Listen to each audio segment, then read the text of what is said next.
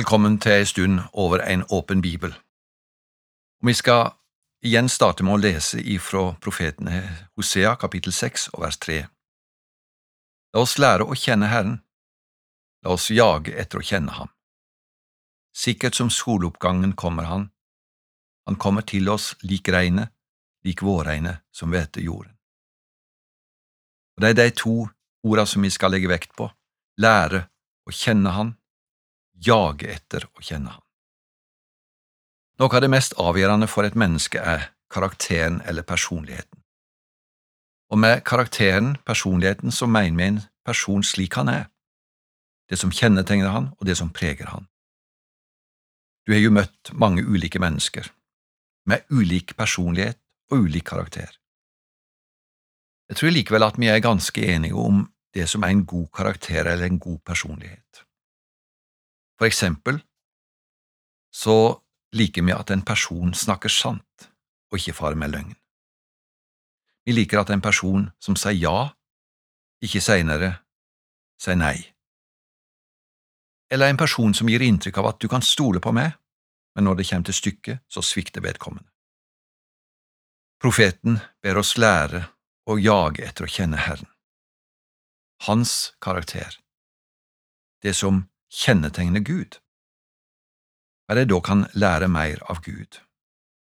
Jo, desto mer vi blir kjent med Gud, så vil vi finne ut av at hans karakter er slik som Bibelen beskriver.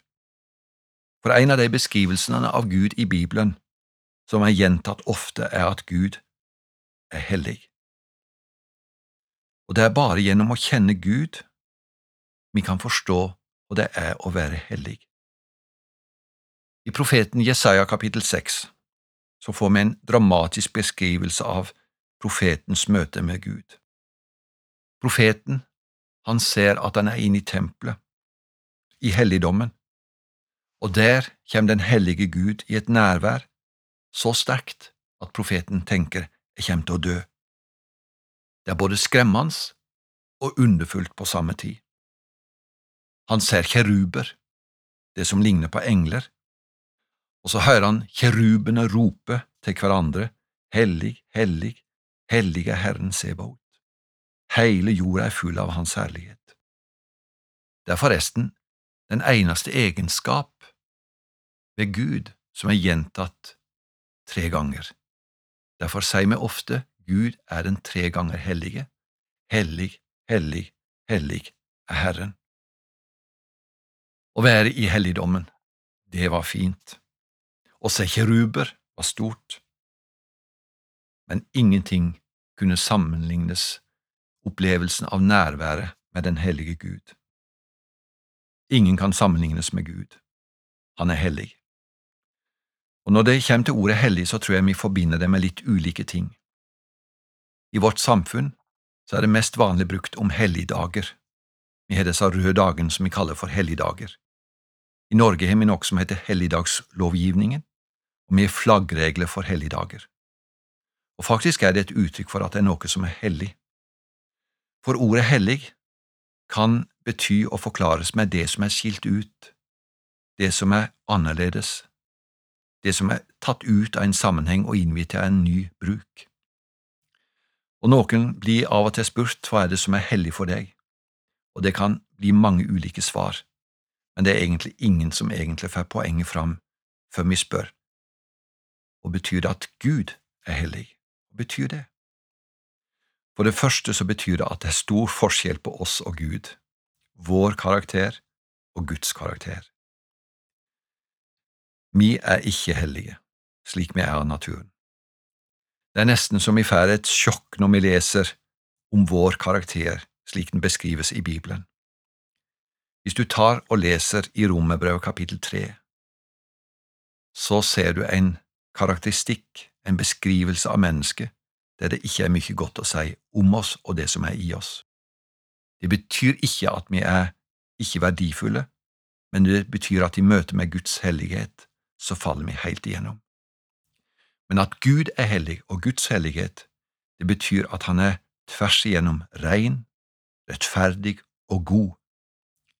Og ut ifra Guds hellighet så stråler det en herlighet, en skjønnhet, noe vakkert, som et menneske faktisk ikke er i stand til å se og leve. Det blir gjentatt i Bibelen at de som vil gjerne se Gud, de kan ikke se Gud og leve. Men er Gud da farlig hvis han er hellig, spør du kanskje. Ja, på en måte så kan vi si at Gud i sin hellighet er farlig. I Det gamle testamentet ser vi at mennesker tester Gud eller provoserer Gud. De vet at Gud har satt ei grense, men så trør det over. Men det er fortalt om Moses, en som kjente Gud, og visste at du aldri måtte provosere Gud. Da han begynte sin gjerning, så så han en tornebusk i lys lue, en flamme som ikke gjorde til at busken brant opp. Og det ble starten for Moses, der han skjønte jeg møter den hellige Gud. For du kan lese i Andre Mosbok kapittel 3 vers 4. Men da Herren så at han kom bort for å se, ropte Gud til ham fra tornebusken. Moses, Moses! Han svarte, Her er jeg. Og Gud sa, Kom ikke nærmere, ta skoene av føttene, for stedet du står på, er hellig grunn. Så sa han, Jeg er din fars Gud, Abrahams Gud, Isaks Gud og Jakobs Gud. Da skjulte Moses ansiktet, for han var redd for å se Gud. I bøkene om Narnia så er det en beskrivelse av C.S. Lewis om Aslan løven, og det er tydelig at han er et bilde på Jesus. Og I fortellingen om Narnia så kan vi lese om denne fryktinngytende løven. Det er sagt naturligvis er han ikke ufarlig, men han er god. Mennesker som ikke har vært i Narnia, tror ofte at noe ikke kan være godt og forferdelig på en gang. Hvis barna hadde trodd noe slik før, så gjorde de det ikke nå lenger. Barna forsto det da de fikk se Aslan, de begynte å skjelve i knærne. Samtidig kjente de at Aslan utstrålte en godhet de aldri hadde opplevd. Det er det som både er skremmende og underfullt. Alle som nærmer seg Gud, vil få erfare Hans hellighet. Ved å lese, høre Guds ord, Den hellige ånd viser deg hvem Gud er, så vil du få erfare det. Det vil alltid skje noe livs- og evighetsavgjørende i livet ditt. For at Gud er hellig, er denne dobbeltheten i seg, han er farlig, men ufattelig god. Og da blir spørsmålet, sånn som det var for Moses og for alle i Bibelen, hvordan kan jeg nærme meg Gud? Her er Bibelen krystallklar. Gjennom at synden blir sonet, at Gud forsones og synden blir tilgitt, så er det åpen adgang til Gud. Og Nå sier du kanskje her var det store ting og mange ting på en gang. Men la meg prøve å gjøre det så enkelt som jeg kan. Når Jesus kom inn i denne verden, så var det for å bære våre synder opp på korset. Der viser Gud sin hellighet, måten han reagerer på vår synd. Han ser ikke gjennom fingrene med en eneste en av oss, men Jesus tar straffen i vårt sted. Og så fint det beskrives i en gammel salme. Min Jesus, du er såret, for mine synder så, jeg burde selv ha båret den straff som på deg lå. Så derfor er den eneste plassen, og den beste plassen du kan nærme deg Gud, det er til å gå til Jesu kors, der Han sonte for alle dine synder, og der Han tilgir deg alle dine synder.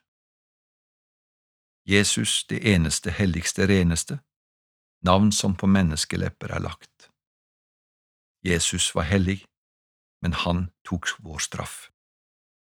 Og Da skjer det noe helt fantastisk, slik Paulus beskriver det i brevet til korinterne. Han ser for seg denne flokken i Korint. Det hadde levd et liv uten tanke på Gud, men så hører budskapet om Jesus Kristus, han som kom til verden for å frelse syndere. De levde forskjellige liv, de levde på ulikt vis, men de vender om ifra det gamle livet og så beskriver han det sånn i første Korinterbrev, kapittel seks og vers elleve.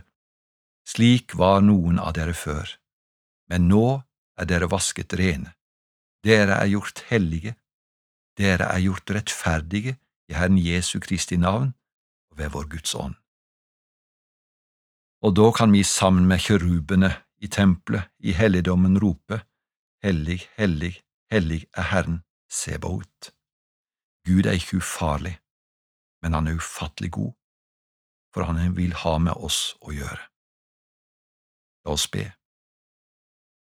Himmelske Far i Jesu navn, takk for at du er Guds hellige, og at du tilgir og renser oss for all synd, og takk for den nådens trone som vi kan komme til med alle ting.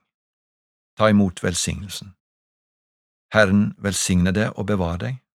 Herren la sitt ansikt lyse over deg og være nådig. Herren løfte sitt ansikt mot deg og gi deg sin fred. Amen.